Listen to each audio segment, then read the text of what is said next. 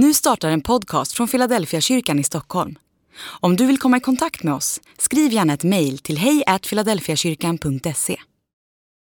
Idag har jag bett om en predikostol. För det var ju så, det har jag sagt förut, så var det nämligen förr i tiden att det var bara pastorn som fick sitta och församlingen fick stå. Det är därför det heter predikstol. Så det här är min lilla predikstol idag, jag behöver sitta idag.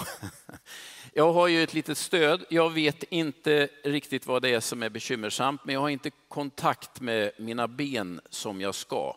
Det är något i ryggen som, som är skevt, snett eller sitter i kläm. Och jag, jag, har, jag är öppen för bönesvar i, på tre nivåer. Ett, omedelbart helande mottages. Om inte det funkar, eh, någon typ av injektion och i tredje steg eh, lägger jag mig under kniven. Men gärna att ni ber om en sorts helande. Men jag är under utredning och jag tycker att det är plågsamt att visa mig med krycka. Men det är så det kommer att vara förmodligen ett tag framöver.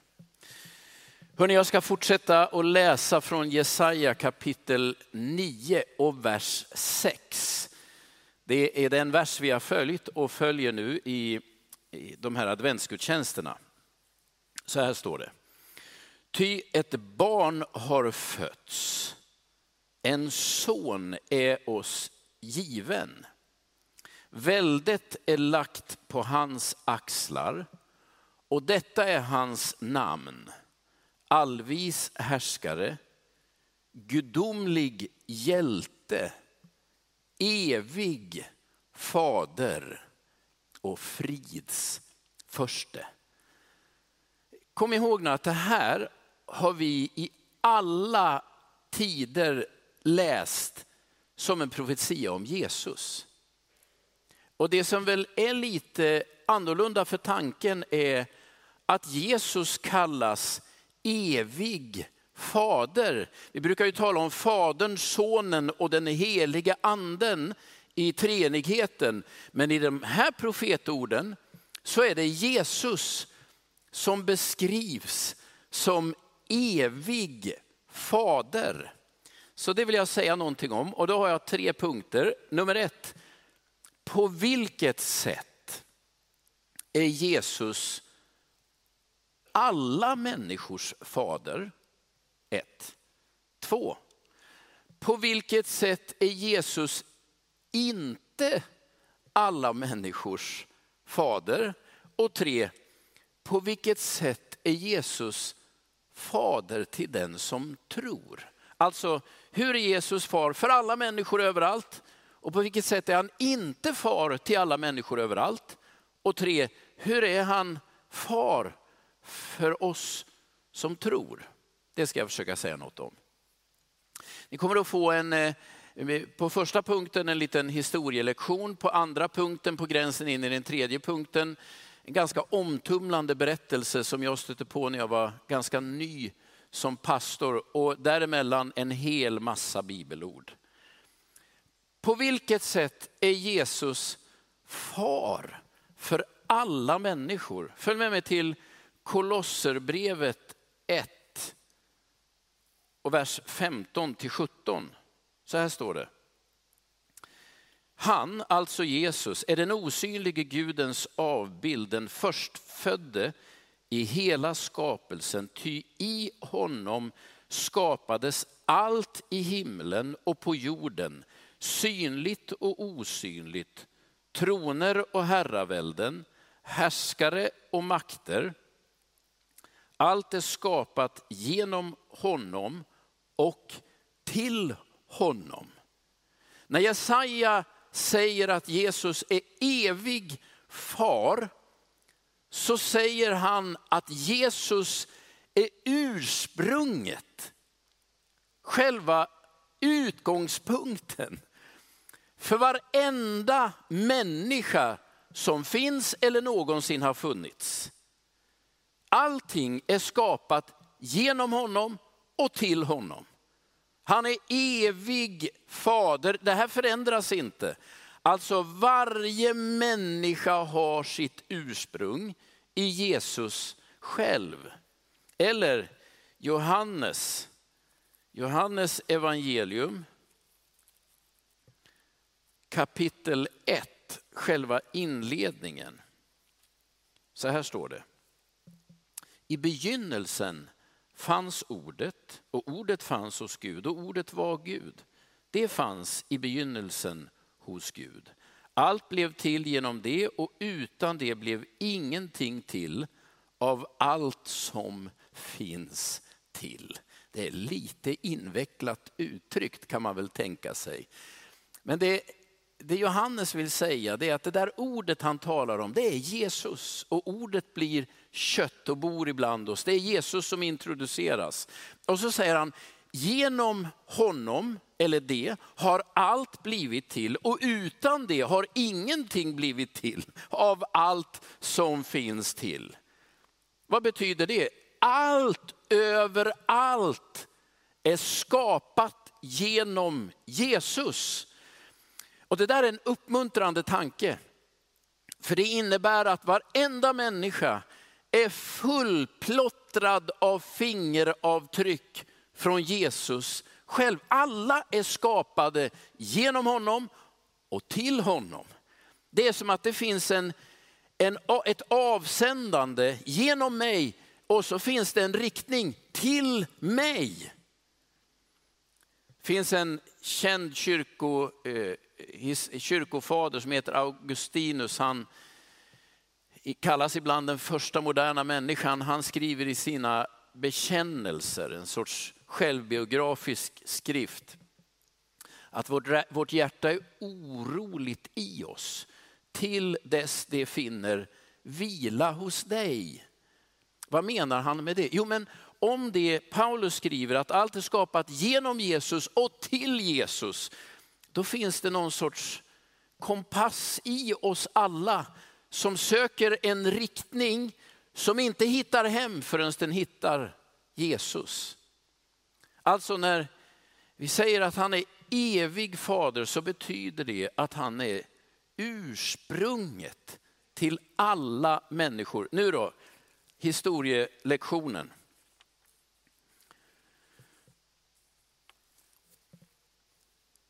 Det var ju i slutet på 1800-talet som man upptäckte att kvinnan också bidrog vid befruktningen.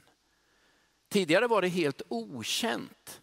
Det finns en sån här eh, svindlande text från eh, August Strindberg. Där han beskriver kvinnan som en blomkruka i vilken mannen planterar sin säd. Tänk om man kunde hitta något, något annat kärl som är 37 grader varmt där man kan plantera säden så man slapp fruntimmer. Nu inser ju alla, nej men det där, det, så är det ju inte. Vi tar som självklart att det är en man och en kvinna som gemensamt bidrar, ja det är de sista hundra åren vi har tänkt så. Alla årtusenden innan dess har man tänkt att det är ju mannen som är säden och kvinnan hon är åken. Det är ju det här man, man upptäcker när man läser gamla testamentet och som modern människa så tänker man vad konstigt det här är skrivet. Låt mig läsa ifrån första Moseboks femte kapitel. Ni kommer att studsa till allihopa. Första Mosebok kapitel 5, vers 3 till 5.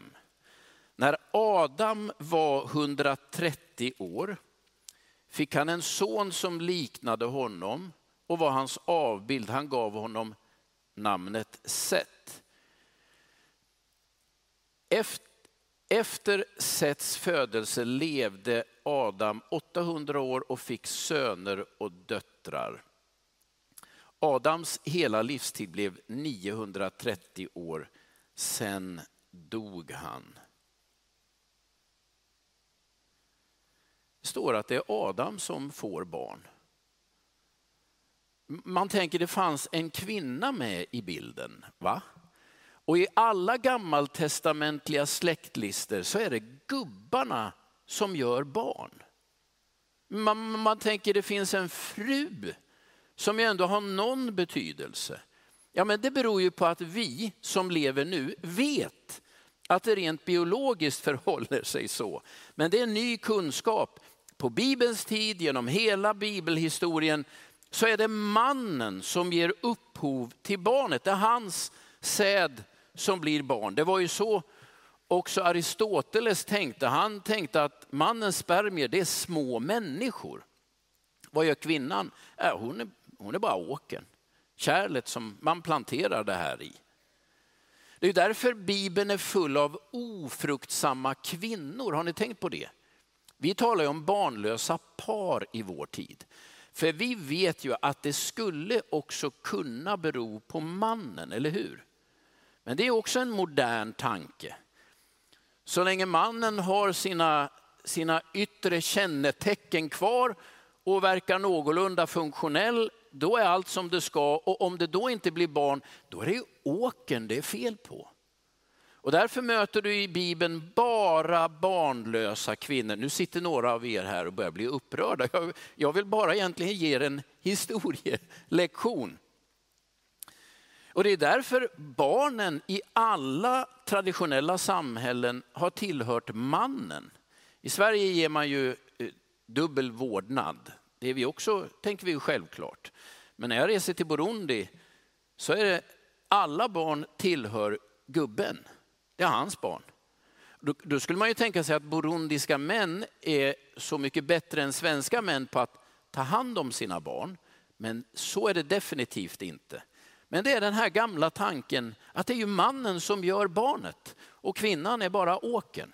Varför berättar jag det här nu då? Om du bara tänker i den här bakgrunden så kanske du förstår innebörden som Bibelns författare far efter när den beskriver Jesus som evig fader. Det vill säga han är den som själv har gett upphov till varenda människa överallt i alla tider. Han är evig fader. Nästa punkt då. På vilket sätt är Jesus inte alla människors fader? Ja, då skulle jag säga att det är så enkelt så att Jesus är inte alla människors fader eftersom vi har sagt upp bekantskapen med honom. När man söker sin identitet någon annanstans än i Jesus så beskriver Bibeln det som en sorts familjetragedi. Om du är skapad genom honom och till honom, då betyder det att ditt ursprung finns i Jesus. Ditt mål finns i Jesus och din mening finns i Jesus. Och i vår moderna tid när identitetsfrågor liksom rör sig överallt så är ju den kristna församlingens enda tydliga svar, varje människa måste hitta sin första och primära identitet i Jesus Kristus. Det är han som är ditt ursprung, det är han som är ditt mål och det är honom du finner din mening och din kallelse. Men om du söker ditt ursprung, ditt mål och din mening någon annanstans i, än i Jesus, då går familjen sönder. Det är det här som beskrivs som syndafallet i Bibeln. Och människors syndafall, så som den berättas om i Bibeln, det här är nu min tolkning, tycker jag mest liknar en sorts familjetragedi. Vad står det i Johannes 3 och 16? Så älskade Gud världen att han gav den sin enda son för att de som tror på honom inte ska gå under utan ha evigt liv. Hela våglängden i det där språkvalet det kom ju från familjekontexten. Det var inte så letade Gud efter kriminella människor för att trycka dit dem och sen möjligen släppa dem fria efter avtjänat straff. Nej, det är inte det juridiska språket utan det är kärleken. Så älskar Gud oss människor. Och när Adam och Eva i Bibelns första kapitel vänder Gud ryggen, så kommer Gud och han ställer den där frågan som varenda förälder har, har ropat efter sina barn. Var är du någonstans Adam? Det är familjespråket. Alltså varför är Jesus inte alla människors fader? Därför att vi ibland medvetet, ibland omedvetet, ibland till och med oönskat har börjat söka våra identiteter på andra håll. Vem är jag? Vart ska jag? Och vad är meningen med mitt liv? Svaret på de frågorna, säger Bibeln, det finns hos den som är evig fader, Jesus själv.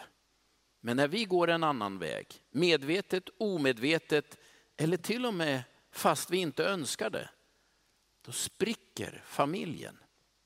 Och genom hela gamla och nya testamentet går det här familjespråkbruket där Gud beskrivs som den som söker, som längtar, som lockar och som vädjar. Eller det Paulus säger i Romarbrevet 5 och 8, någon som vill försöka. Ty Gud bevisar i presens, Gud bevisar sin kärlek till oss genom att Kristus dog för oss medan vi ännu var syndare. Det där handlar om vad Jesus gör på korset. Men igen hör du, det är familjens våglängd. Så älskar Gud. Eller Romarbrevet 5 och 5, där säger han att Guds kärlek har blivit ingjuten i våra hjärtan genom att han har gett oss sin helige ande. Igen, det är familjespråkbruket, det är kärlekens våglängd. Varför det? Därför att den evige fadern längtar efter de förlorade barnen. En av de mest älskade och använda liknelserna från Lukas evangeliet är ju den förlorade sonen. Där Jesus berättar, man får väl ändå säga om en vanartig son, det där var väl gammal svenska alltså missanpassad son som begär ut allt sitt arvegods medan pappan fortfarande är vid liv. Och om man läser den historiska kontexten betyder ju det att han bokstavligt talat önskar livet ur sin pappa. Men pappan är så generös att han ger honom hälften av allt han skulle få. Sen far han iväg, förmodligen så långt hemifrån han kan. Och enligt den här liknelsen så bränner han hela förmögenheten på festande och på horor. Och sen när han då hamnar som grisskötare, vilket är orena djur och det mest förnedrande man kan tänka sig, då kommer han ju till insikt, återvänder hem, börjar stava på en syndabekännelse och säger far jag har syndat mot himlen och på dig, mot dig. Men han, han hinner inte rabbla den. Pappan kramar honom, tvättar honom, sätter på honom kläder igen, ring, han får tillbaka kontokortet. Och så säger han, nu är det fest för min son som var död, han lever och han har kommit hem igen. Vad är detta? Det är familjens våglängd. Du vet när vi människor söker vår identitet, och med identitet tänker jag vårt ursprung, vår mening och vår uppgift här och nu och vårat mål. När vi börjar leta efter det någon annanstans än hos Jesus, då går familjen sönder. Och det där kan ske därför att vi medvetet väljer bort det. Eller för att vi aldrig har hittat dit. Eller fastän vi har längtat efter att få tag i det men inte hittat det. Det Bibeln beskriver är att Jesus är den längtande fadern som söker, som älskar och som frågar. Nu då berättelsen som jag fick ganska tidigt i min pastorsgärning det var en man som var något äldre än mig då, han var 35 år, som inte tillhörde församlingen, fanns i utkanten men ville ha ett samtal. Kom eh, och vi satte oss och pratade och så sa han, jag vet inte var jag ska börja, jag är helt omtumlad. Han hade begravt den man han trodde var hans pappa. Och när begravningen var över, allt var färdigt, då ringer hans mamma och säger vi måste samtala. Och så kommer han hem 35 år gammal till sin mamma och och så säger hon, jag vill bara att du ska veta att den man som vi har begravt, som du har kallat pappa och som har varit din pappa, är inte din biologiske far. Och ni vet, när det ska sjunka in tog honom ett bra tag och sen samlade han sig och så frågade han, vem är min pappa då? Den biologiska pappan. Ja, sa mamma, han finns här i stan, inte så långt bort.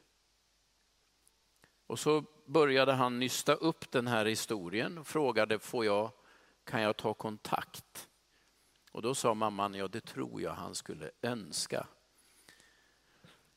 Och sen träffar han, vi kan ana spänningen i kroppen, han träffar ju sin biologiske pappa och plötsligt fattar han varför han var huvudet längre än alla sina syskon. Och varför han hade bruna ögon när alla andra hade blåa ögon. Han plötsligt förstod han vem han själv var. Och så pratade han med, med den här biologiske pappan och så sa pappan att jag träffade din mamma, vi var unga och hon blev gravid och vi insåg att det, vi, ska inte, vi ska inte fortsätta tillsammans. Sen träffade hon under sin graviditet den där mannen som blev din pappa. Och jag gick med på att adoptera bort dig och att aldrig ta kontakt. Men jag lämnade en önskan och en dörr öppen vill du träffa mig någon gång så är jag öppen för det. Det som hände för den här mannen var ju att han plötsligt hade två papper. Mannen han begravde var ju verkligen hans far på riktigt praktiskt. Men när han träffar sin biologiska pappa och sina biologiska syskon, då faller alla pusselbitar på plats. Varför han var akademiker när alla andra var praktiker. Varför han såg ut som han gjorde och var som han var. Det var som att han förstod vem han egentligen var. Jag skulle säga, om Jesus är din, min och alla människors evige far. Och vi har letat efter vår identitet, vårt ursprung, vårt mening och vårt mål någon annanstans så är det först när vi kommer tillbaka till Jesus som pusselbitarna börjar falla på plats. Det kan vara omtumlande, men för min gode vän blev det här inte uppslitande utan det blev en, ett oerhört betydelsefullt, ett, livet blev större för honom. Det är inte självklart i en sån situation.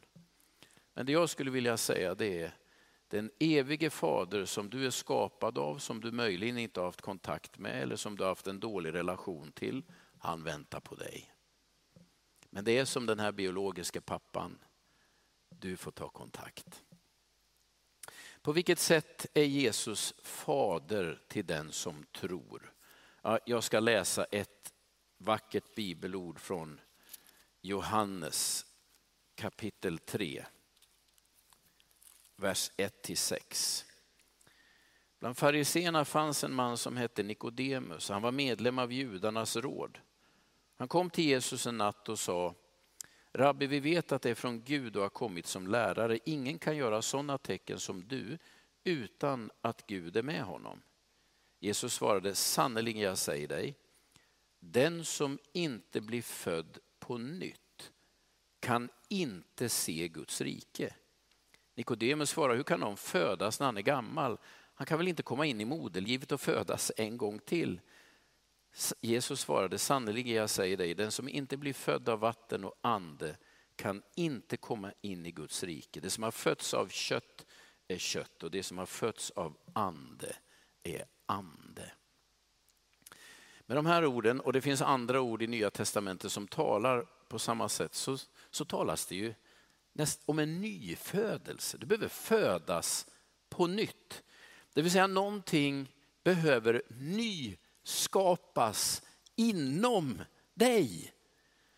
Och det är inte det du kan göra själv. Det är inte sju steg till att börja om på nytt. Det där kommer ju komma efter jul för alla som ska göra sig av med alldeles för mycket julmat. Det finns inget sånt i Bibeln faktiskt.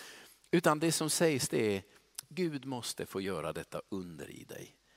Och att födas på nytt är återigen familjeterminologierna, hör ni? Alltså vad händer? Ja, men det är som att han på nytt behöver återskapa familjebanden, förtäta dem och förtydliga dem. Låt mig bara läsa, ett, nu ska jag ta sista bibelordet, Galaterbrevet. Ett av mina favoritbibelord, Galaterbrevet 3, vers 26 till 29. Så här säger Paulus, alla är ni nämligen genom tron Guds söner i Kristus Jesus. Är ni döpta in i Kristus har ni också iklätt er Kristus. Nu är ingen längre jude eller grek, slav eller fri, man eller kvinna. Hör ni identitetsfrågorna? Är du jude? Är du grek? Är du man? Är du kvinna? Är du han, hon eller hen som vi frågar idag? Då säger Paulus, det spelar ingen roll om du är döpt i Kristus. Då har du iklätt dig Kristus. Det vill säga den enda identitet som är avgörande och viktig, det är, är du i Kristus? Har du förstått att han är ditt ursprung? Att din kallelse och ditt uppdrag i den här världen finns i honom och att ditt mål är honom. Det är den vi frågar efter. Det är den som är avgörande. Och så säger han, alla är ni ett i Kristus Jesus. Det är väl så vackert skrivet. I Guds församling är vi ett. Men om ni tillhör Kristus är ni också avkomlingar till Abraham och arvtagare enligt löftet. Det han säger det är när du börjar orientera dig in emot Jesus, Gud kommer då föda dig på nytt. Det är dramatiskt, men det är familjebilden, in i familjen. Och du kommer att inse, det är mitt ursprung, det är min mening, det är mitt mål. Och så säger han, då blir du arvinge.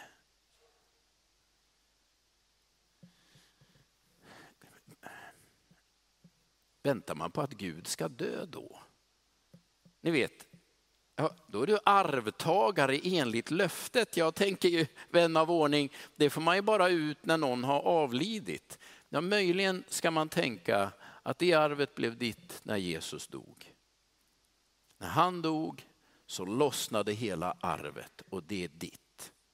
Vad betyder det? Jo, men det betyder att när jag börjar orientera mig in emot Guds familj, då kommer allt som har med Guds rike, med hans vilja, med hans verk i den här världen, det kommer att bli min del.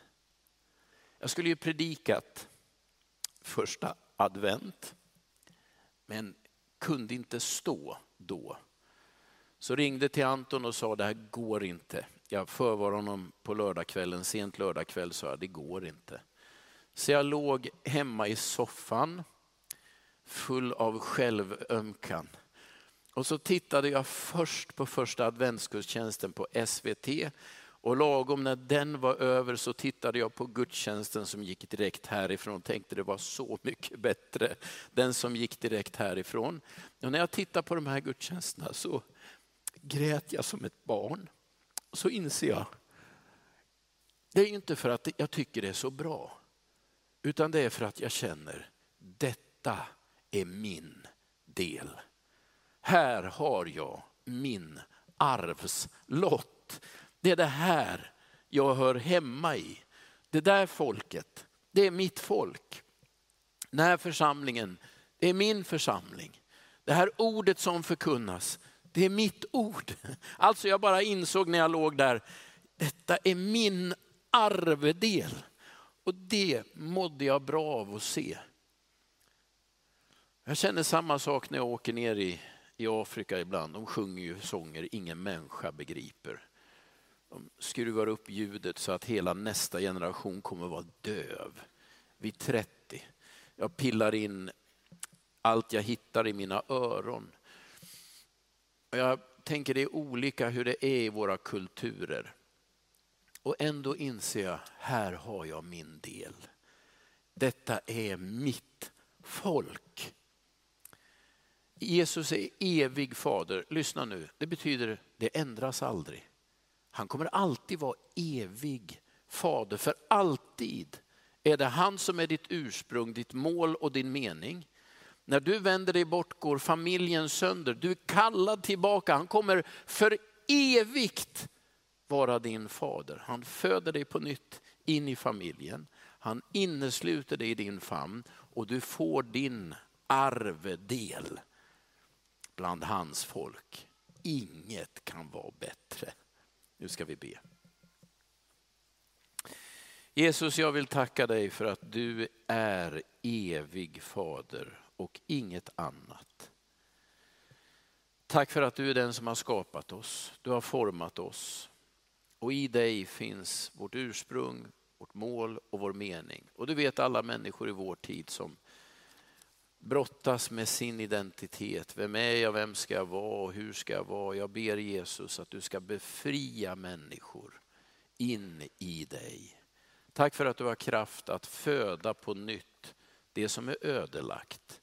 Tack för att du gör oss till ett bland ditt folk. Du ger oss en helt ny identitet i dig. Och du ger oss vår del, vårt arv ibland ditt folk. Tack för den gåvan. Amen.